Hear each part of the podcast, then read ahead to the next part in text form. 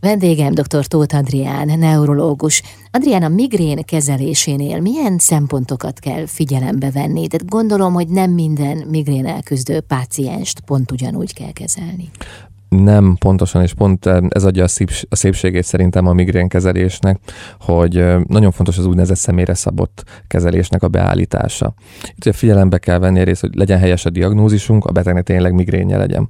Utána fontos eldönteni nála, hogy epizódikus vagy krónikus migrénről beszélünk, hogy mennyire súlyos ez a migrén az ő esetében. És én ilyenkor azt szoktam mondani, hogy szeretem a beteget felvértezni mindenféle gyógyszerrel, tanácssal, életmódbeli praktikákkal, amelyek, amelyek segítik őt átvészelni a hónapokat egy keményebb migrénes fejfájás idején, vagy mik azok a dolgok, amiket ő tehet, hogy megszüntesse a fejfájást. Egyrészt nagyon fontos, hogy adni a betegnek egy, egy olyan hatékony készítményt, ami, hogyha jön a migrén, akkor az hasson. Ugye a betegnek szerintem ez a legfontosabb. Azért megy el orvoshoz, hogy fáj a fejem, doktor úr, adjon valamit, amitől nem fog fájni a fejem. Ez az egyik típusú gyógyszer, amit adni kell mindig a betegnek. Általában ezekre a gyógyszerekre jellemző az, ezekre a fájdalomcsillapítókra, hogy, hogy azért nem jó ebből túl sokat bevenni egy hónapban, mert ugye mellékhatásokat okozhat, például a szív- és érrendszer összehúzó bánthatja a gyomrot, a vesét, úgyhogy ez nem jó.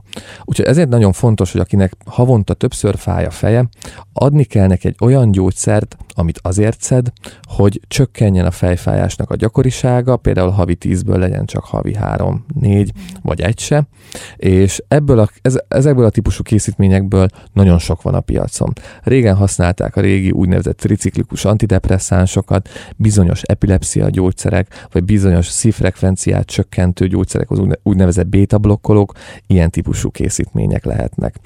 És itt ismerni kell ezeknek a gyógyszereknek a mellékhatását, figyelembe kell venni a betegnek az életkorát, a társbetegségeket, terveznek-e kisbabát, vagy nem. Szóval ezek, ezek, ezek fontos tényezők, hogy az ember akkor milyen preventív szert ad a betegnek.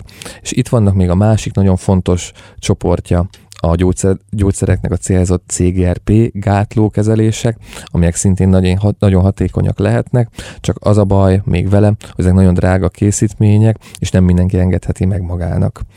A harmadik nagyon fontos része a, a kezelésnek, amikor már adtam neki fejfájdalomcsillapítót, ami megszünteti, adtam a betegnek prevenciós szert, amivel csökkenni fog a fejfájás, ott vannak a különböző életmódbeli tanácsok, életmódbeli taktikák, amelyek szintén azt a célt szolgálják, hogy a betegnek a legkisebb eséllyel alakuljon ki a hónapban migrénes fejfájása. Ilyen tanács például, hogy, hogy a megfelelő alváshigiéniának a kialakítása. Megbeszéljük, hogy akkor hogyan tudja ő azt elérni, hogy éjszaka pihentetően aludjon, ne keljen fel, minél többször kerüljön remfázisba a szervezete, minél jobban elerjedjenek azok az izmok, amiknek el kell lazulniuk. Ez nagyon fontos akkor meg szoktuk beszélni a testmozgást, milyen típusú testmozgásokat végezzen, végezzen a beteg, ha, ha, ha egyszerűen nem végez. Megbeszéljük a kóros nyaki tartás, a beállt válnak a kérdését. Szoktam tanácsolni, hogy lazítsa például melegvizes borogatással a válizmokat, mutatok neki különböző lazító technikákat, hogyan forgassa a fejét, a vállát, hogyan lazítsa el, vagy esetleg olyan manuál terápiát, vagy nyaki masszást ajánlok a beteg betegnek, amire célszerű eljárni, és ezzel is tudja csökkenteni a fejfájást.